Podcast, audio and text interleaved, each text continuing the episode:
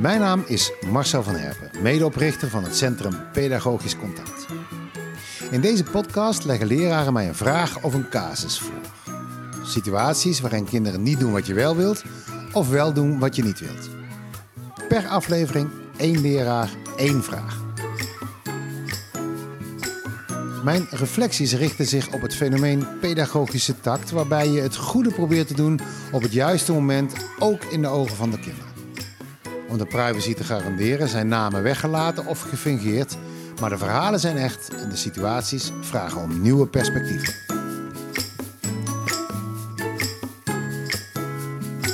Ik zit hier vandaag met Mo, leraar van groep 4, 5, 6. En we gaan het hebben over Tim, een kind van 9 jaar. Begrijp ik dat goed? Dat klopt, ja. Nou, ik zou zeggen, vertel. Nou, eh, Tim die zit in unit 3, wat je al vertelde, groep 4, 5, 6. Een heel vrolijk, lief kind, heel behulpzaam en heel erg aanwezig in de instructies. Dus wanneer jij instructie geeft, hoor je Tim al roepen: Ik weet het niet, ik snap het niet. En uh, ja, vooral het corrigerende gedrag waar je heel erg mee bezig bent. Waar je in je instructie als leerkracht liever niet mee bezig bent. Nee, jij zou je liever op iets anders richten. Ja, ja. klopt. En, uh, en we, we, gaan het hebben over Tim, omdat, omdat hij opvalt, omdat hij als enige opvalt in die instructie? Of zijn er andere kinderen die ook opvallen in instructie? Hij valt op in instructies en kan daarbij wel andere kinderen meenemen. Ja, dus dan is hij uh, degene die, uh, die iets in gang brengt uh, wat jij liever niet tijdens je instructie hebt. Klopt. Oké. Okay. Hij is negen jaar. Ja. we gaan even heel concreet naar zo'n instructie. Wat, wat instrueer jij bijvoorbeeld? Uh, nou, als we bijvoorbeeld een rekenles hebben en we gaan het hebben over de keersommen en we moeten de grote en de kleine som eruit halen. Ja. Uh, zijn eerste reactie kan al zijn: Ik snap het niet, wat moet ik doen? Ja. En dan ben je nog niet begonnen. Dan ben je nog niet begonnen. Dan ben je nog niet begonnen. Nee. Dus dan geef ik zelf al aan: Oké, okay, Tim, stop, denk, doe. Um, dan stopt hij even en denkt hij: Oh ja, ik moet even wachten. Dus dan leg ik al uit van, uh, ik leg eerst instructie uit, daarna mag je je vraag stellen. Ja. En dat stop, denk, doe, dat zeg je nu eventjes, maar is dat een mantra in de klas? Weet hij dat? Stop, denk, doe, dat is wat je hem aangeleerd hebt? Dat is niet consequent aangeleerd. Nee? Nee. Maar dat is iets wat je, wat dat, je in je hoofd hebt. Dat heb ik in mijn hoofd. Eigenlijk wil je dat hij even stopt met wat hij doet, dat hij even nadenkt en dat hij dan gaat doen wat er nodig is. Ja. Maar dan wil je dus al, dan wil je eigenlijk dat hij stopt met iets wat hij doet. Dat is natuurlijk nog niet vanzelfsprekend. Nee. Uh, dan wil je dat hij nadenkt, maar je weet natuurlijk niet wat hij zit te bedenken. En nee. dan wil je nog dat hij gaat doen eigenlijk wat jij wilt dat hij gaat doen. Ja. Ja, dus daar zijn... Dat, daar, Een beetje moet, veel. Ja, er moet nog wat gebeuren hè, bij die negenjarigen. Oké. Okay. Um, kijk, je zou kunnen zeggen, er zijn uh, twee typen situaties. Voorspelbare situaties en onvoorspelbare situaties. Uh, ik heb de indruk dat als je over Tim en de instructie spreekt, dat je over een voorspelbare situatie spreekt. Met andere woorden, jij weet eigenlijk al wat hij gaat doen. Klopt dat? Dat klopt. Dus jij begint aan de instructie. Ja. Je bent goed voorbereid. Je hebt er zin in. Hoeveel kinderen zitten daar dan? Uh, ongeveer 20 kinderen. 20 kinderen. En die zitten er ook klaar voor. En je weet, die kan ik ook gewoon uit gaan leggen wat er moet gebeuren. Dat gaat eigenlijk wel ongeveer zoals je dat verwacht. Ja. En dan weet jij, en zometeen komt Tim. Wat is het moment waarop jij weet wat Tim gaat zeggen? Eigenlijk het moment als ik begin met de uitleg. Als je begint met de uitleg. Ja. Dus jij begint met de uitleg en je weet, er komt hij aan. Ja. Daar komt Tim aan. Weet je ook al wat hij gaat zeggen? Ik snap het niet. Dus jij weet dat hij gaat zeggen, ik snap het niet. Ja. Dat weet je al.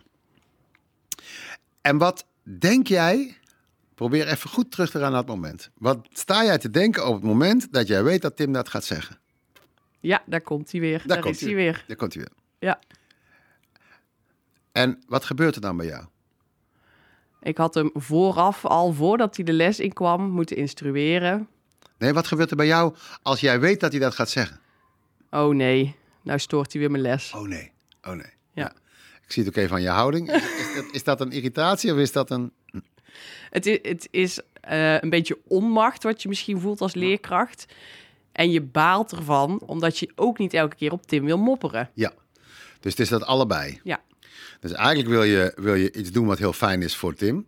Maar je wilt niet dat hij les verstoort. En dat brengt je in een onmacht. Ja. Dus, dus, dus je zou kunnen zeggen, Tim reageert daar niet naar jouw verwachting. Alle twintig kinderen doen dit en Tim doet het niet. Ja.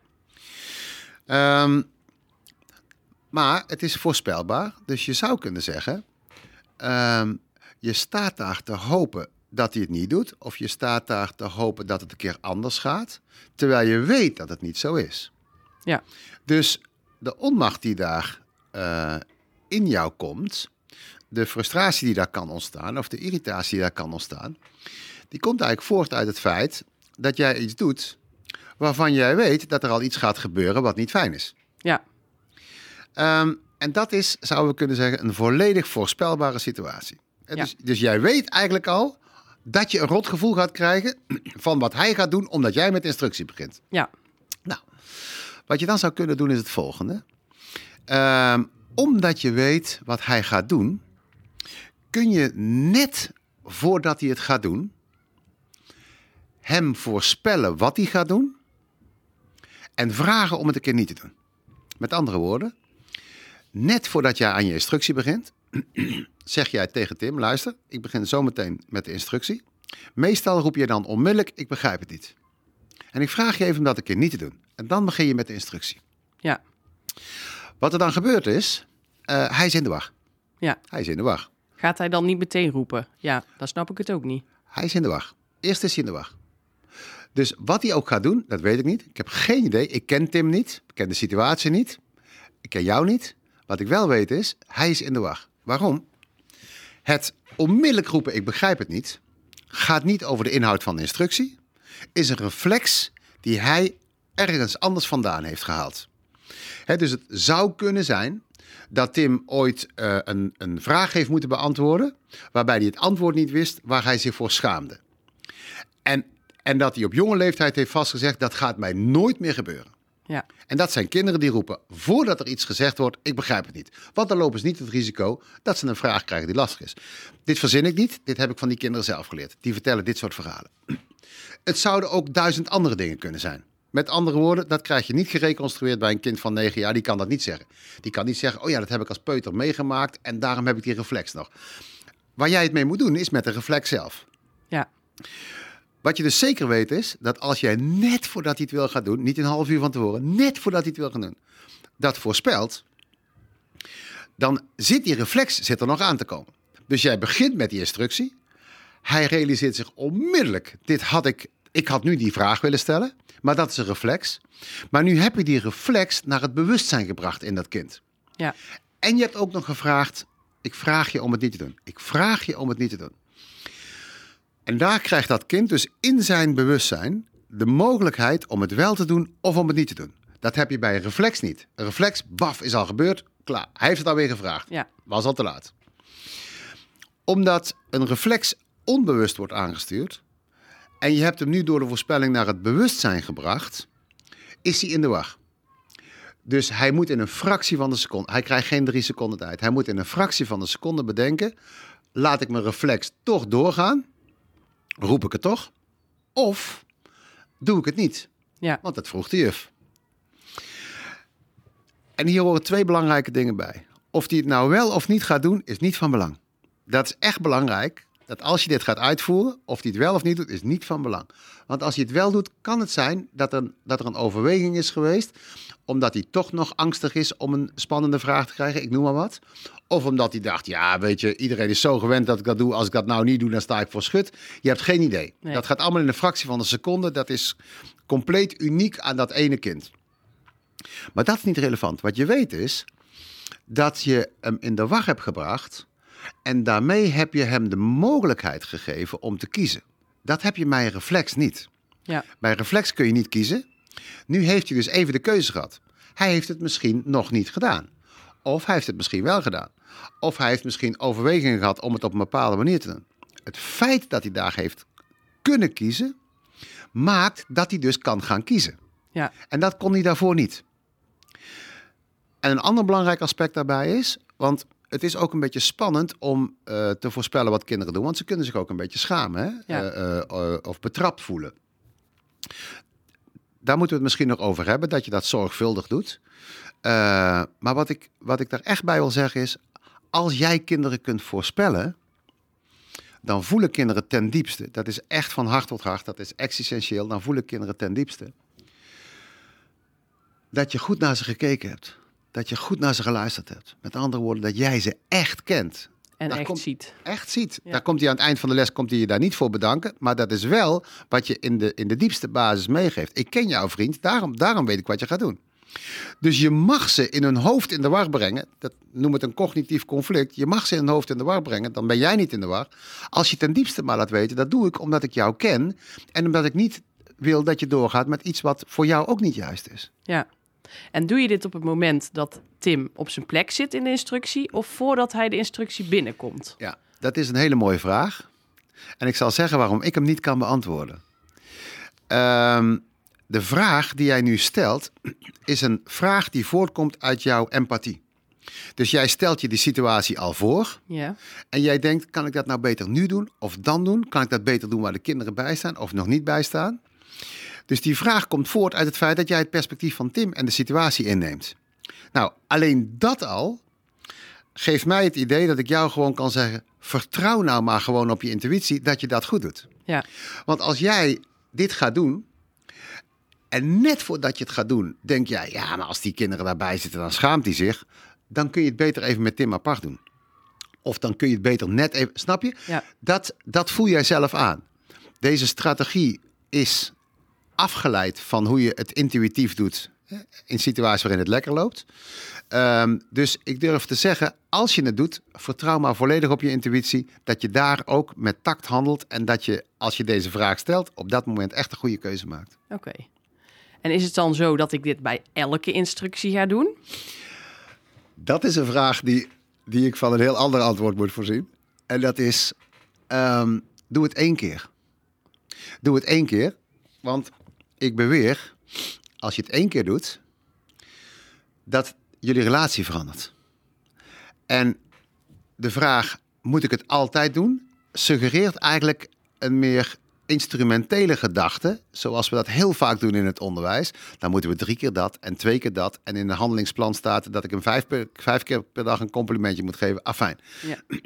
Dat is allemaal, eh, dat had je al begrepen, waar ik niet naar verwijs. Mhm. Ik beweer, als je dit doet, je hebt hem en in de war gebracht en ten diepste laten weten, manneke, ik ken jou. Ja. Daar ben jij met aandacht en empathie bij, want dat hoor ik uit je vragen. Eh, ik beweer dat jullie relatie daardoor verandert. Oké. En wat daarachter gebeurt is onvoorspelbaar. Anders gezegd, het patroon wat eronder zit, waarom je het doet, kan zo hardnekkig zijn dat jij, dat jij gaat denken: wat, wat zit daaronder? Waarom doet een kind dat?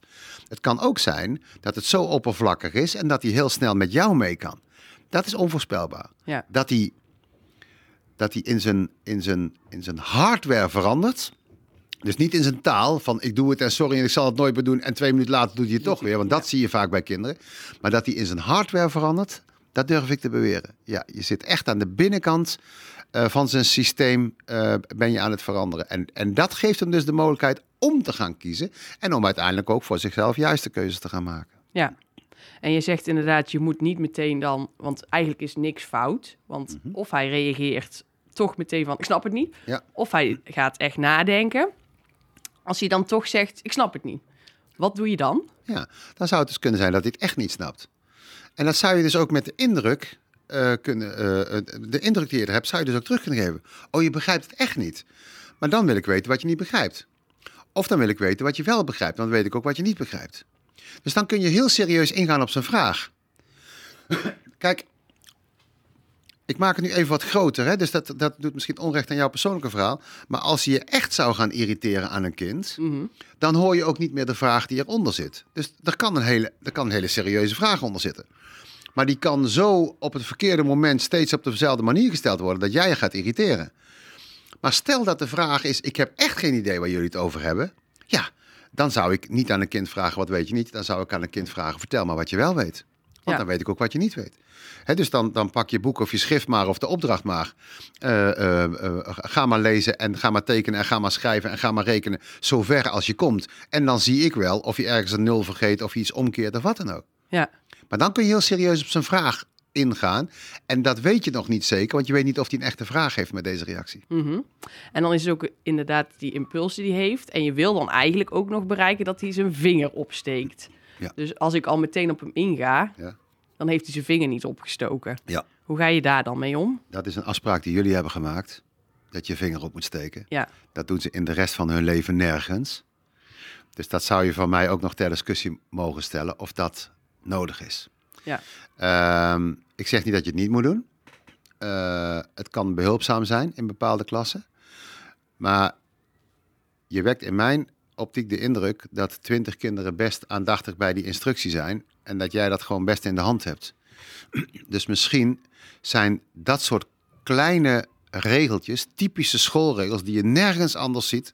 Je, je moet je vinger niet opsteken in de supermarkt als je iets wilt vragen. Dus misschien zijn dat soort dingen gewoon niet zo relevant. ja. Eh, als ik dat te gemakkelijk zeg voor jou, eh, dan wil ik daar best nog mee naar kijken. Maar voor, voor mijn gevoel is als je hier gewoon echt een goede relatie met kinderen krijgt en ook echt voelen wat daar gebeurt, ehm, ja, dan vind ik het belangrijker dat kinderen letten op wie is er aan het woord en kan ik al iets zeggen. eh, dan dat je ze leert om hun vinger op te steken, om dat later weer af te moeten leren in een context waar niemand dat gebruikt. Ja, daar heb je wel een punt. Ja. Helder. Maar dat, dat moet je niet doen voor mij, hè, Nee. dat begrijp je. Dat, dat moet je doen omdat, omdat ik meer in algemene zin denk.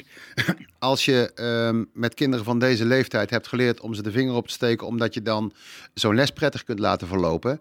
eh, ja, dan zou ik je op zijn minst sowieso aan willen moedigen om op een gegeven moment tegen die kinderen te zeggen, is dat eigenlijk nog nodig? Sowieso.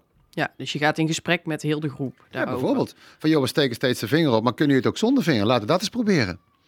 Weet je, gewoon om, om die ervaringen met elkaar op te doen. Ja. Ja, En als ze dan allemaal tegelijk gaan roepen, dan pak je ze weer centraal terug. Ja, maar dat is natuurlijk geweldig, want dat gaat gebeuren. Ja, Dus als je wilt dat kinderen echt gevoelig worden voor wat ze moeten doen in een bepaalde situatie, op welke manier. Je, je spreekt anders tegen, je, tegen, tegen oma dan tegen moeder. Je spreekt anders tegen de juf dan tegen een ander kind. Eh, die gevoeligheid die ontwikkel je niet door de systemen van vingers opsteken en dergelijke. Die ontwikkel je in de gevoeligheid waar, waarin je soms ook leert, oh dit had ik niet moeten doen. En jij kunt kinderen vragen, is dit handig? Hoe moeten we dat dan doen? Waar let je eigenlijk op? Hoe zie je dat? ja, Hoe weten we dat iemand te lang of te kort aan het woord is? Hoe weet je als jij aan het woord bent dat je rekening houdt met anderen? Ja, dat is, dat is, niet met, dat is geen lesje. Dat is een attitude waarbij je continu eigenlijk die vragen stelt en dat lijntje mee gaat lopen in die klas. ja. En ehm, negen jaar, relatief jong, maar wel hartstikke mooi om dat te gaan doen. Niet omdat ze het kunnen, maar omdat ze het met jou mogen gaan leren. Ja, mooi, mooi gezegd. Oké. En eh, dan heeft hij dus de instructie gehad, hè? En Tim die gaat aan het werk. Ja. En Tim blijft geluidjes maken. Die blijft een stoorzender in de klas. Het is maar hoe je het noemt, inderdaad. Ja. Eh, ik heb al vorige keren geleerd, ook uit eh, boeken van jou toevallig, van ja, eruit zetten heeft niet zoveel zin, want dan ga je hem in een andere ruimte zetten. Dus dat ben ik al aan het doen. Hou hem in de klas. Hoe kan ik er dan toch voor zorgen dat, dat de kinderen aan het werk blijven zonder dat ze gestoord worden door hem, door alle geluiden die hij maakt? Ja, ik zou. ehm, we begrijpen allemaal dat het, dat het, dat het vervelend kan zijn. Hè? Een, een kind dat geluidjes blijft maken enzovoort. Dus dat kan voor jou en voor andere kinderen gelden. Ik zou beginnen bij de andere kinderen. Dus ik zou, zeker op deze leeftijd, zou ik echt beginnen met eh, eh, naar andere kinderen te kijken en daaraan te vragen hoe is dat voor jullie. Het is eigenlijk dat proces van die kinderen te begeleiden. Van eh, als dat voor jullie eh, geen probleem is, nou dan zal ik kijken of het voor mij ook geen probleem is. Dan ga je gewoon kijken als kinderen echt allemaal aan het werk zijn. Als hij aan het werk is met geluidjes en als andere kinderen aan het werk zijn. Maar dat is natuurlijk meestal niet. Sommige kinderen zeggen, nou, vind ik ook niet fijn en ik wil dat niet. Nou, waarom zeg je dat dan niet? Waarom zeg je dat dan niet tegen Tim? Ja, dat wordt ook gezegd. En op een Ja. gegeven moment dan kan het zo zijn: stop nou, Tim! Ja. Ja. en, dan, en dan wordt het weer onrustig in de Ja, klas. maar ik moet je wel zeggen, dat is wel nodig. Dus eh, ehm, ik, zou, ik zou toch willen zeggen, zie dat niet als iets wat vervelend is voor de les. Zie dat iets als een geweldig belangrijk aspect, waarbij kinderen dus ook echt leren in te grijpen, voor zichzelf op te komen, de groepssituatie te neutraliseren enzovoort. Want anders ben jij degene die dat allemaal moet doen. Ja. Dus je kunt ook tegen dat kind zeggen: Nou, hartstikke goed gedaan. Ja, Als jij er last van hebt, prima dat je het zegt. Misschien kun je het nog anders zeggen of zo, maar prima dat je het zegt. ja, Ehm, met andere woorden, er is niet zomaar een oplossing voor die situatie. Het, het kan een tik zijn, hè? Het, het kan pathologisch zijn, weet ik allemaal niet. Ehm, maar het is wel de bedoeling dat die groep zichzelf leert reguleren. ja, En uiteindelijk, eh, dat zul je dan misschien ook ergens in een van mijn boekjes gevonden hebben. Eh, maar uiteindelijk eh, is het toch belangrijk, als het, als het doorzet, als het patronen worden, dat je vrijheid en verantwoordelijkheid koppelt. Met andere woorden, dat als er plekken zijn waarvan jullie allemaal zeggen, daar wordt rustig gewerkt, ja, dat dat een verantwoordelijkheid is. En dat Tim niet de klas uit hoeft, maar dat je tegen Tim zegt en tegen alle kinderen, maar in dit geval zeker ook tegen Tim, het- jij moet even kijken waar je gaat zitten, maar dit is de plek waar rustig gewerkt wordt. ja. Hè, En als dus, hij dat dan niet doet, nou, dan kan het zijn dat hij een bepaalde im- impuls niet kan onderdrukken, maar dan moet, je, dan moet jij hem ook de gelegenheid geven om op een plek te gaan zitten waar hij zijn werk kan maken, waar mensen geen last hebben van hem. ja, Hè, kijk, ik, ik gebruik vaak het, het, het veel grotere voorbeeld. Als een kind blind is, zegt niemand, kijk eens wat beter. Ja, Maar bij dit kind weet je nog niet eh, wat, laten we zeggen, het ongemak is. Of misschien zelfs de handicap is. Eh, als het echt zo is, ja, dan kun je het eeuwig blijven zeggen. Maar verander je de situatie niet door nog harder te roepen dat hij het niet mag doen. Dat kind moet zichzelf leren reguleren. En mag anderen daar niet bij storen. En dan mag je hem in, in mijn optiek niet de klas uitsturen. Maar kun je hem wel zichzelf laten sturen door te zeggen... als jij dat geluidje wilt maken en dat werk wilt maken... zoek dan een plek waar je die geluidjes kunt maken en dat werk wilt maken. ja, En het mooie zal zijn eh, dat hij misschien toch met andere kinderen wil werken of andere dingen wil doen, of misschien graag daar wil zitten. En daarmee eh, ook in een soort van bewustzijn komt weer van wat betekent dat als ik dit wil en dat tegelijk. ja, Maar eh, ja, ga, ga het vooral niet te veel zelf oplossen, want dan leren die kinderen dat niet met elkaar eh, door te maken. En de wordt- eigenheid van Tim. ja, ja, ja. Ja. En de eigenheid van die anderen. Ja, Ja. oké. En dat proces mag jij begeleiden. En, en hoe fundamenteler je dat doet, hoe rustiger het wordt, hoe meer ze weer aan het werk zijn. Want daar gaat het om, hè? Ja, Het gaat erom dat ze echt weer, eh, de, de lat moet hoog, dat ze, dat, ze, dat ze aan het werk zijn. Maar als je continu gedoe houdt en je gaat er niet doorheen... en kinderen komen niet voor zichzelf op... en die groep, groep gaat zichzelf niet reguleren... en Tim gaat zichzelf niet reguleren... Ja, dan ben je eigenlijk daar de rest van het jaar mee bezig. ja. Oké. En eh, heb je nog tips voor een goede plek waar Tim dan kan zitten? Ja, de tip is vraag dat eens aan Tim. Ja, Ja, want dan neemt hij verantwoordelijkheid. ja, Ja, waar had jij gedachten kunnen gaan zitten? En als jij daar gaat zitten en graag gaat zitten, dan hoort daar de verantwoordelijkheid bij dat straks alles netjes opgeruimd is, dat het daar rustig is. Afijn. Ja. Dus, dus daar hang jij gewoon verantwoordelijkheid aan.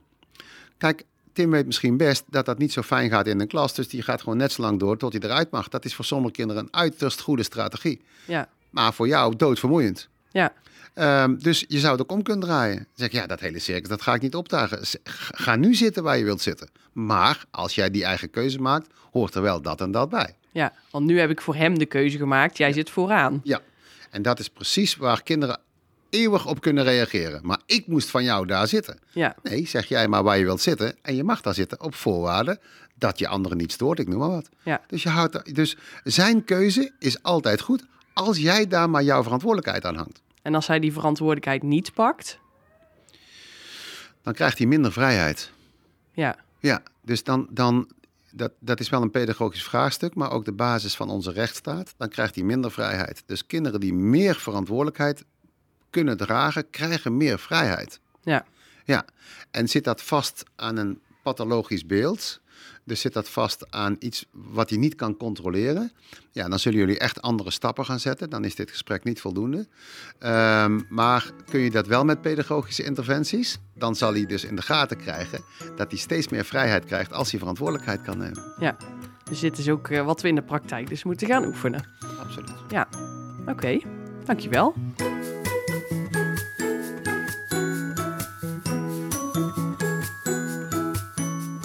Tijdje later belt Mo mij hoe het met Tim is gegaan. Eh, nou, de afgelopen periode we hebben natuurlijk een gesprek gehad over Tim. Tim is een jongen uit eh, mijn klas op unit eh 4, 5, 6. Toen heb ik als tip gekregen van, goh, ga eens op voorhand eh, je verwachtingen uitspreken naar Tim toe. Ja, ik heb het twee keer geprobeerd, of in ieder geval wel vaker. Maar de eerste keer zei ik, tijdens de instructie waren we al begonnen van... Tim, let op, eh, deze keer ga je niet roepen door de klas. Of in ieder geval probeer dat dit keer niet te doen. Nou, toen merkte ik daarna, dat werkte niet meteen. En toen dacht ik, hé, hey, waar ligt dit nou aan? En eh, toen dacht ik, dit was gewoon niet de goede timing. Ik ga eh, de instructie al beginnen. Dus de verwachtingen heb ik te laat geschept voor hem. Eh, dus de volgende les dacht ik, hé, ik ga het dus anders doen. Eh, ik had Tim bij me gehaald voordat eh, we de instructie ingingen. En ik zei tegen Tim, nou Tim, we gaan daar de instructie in.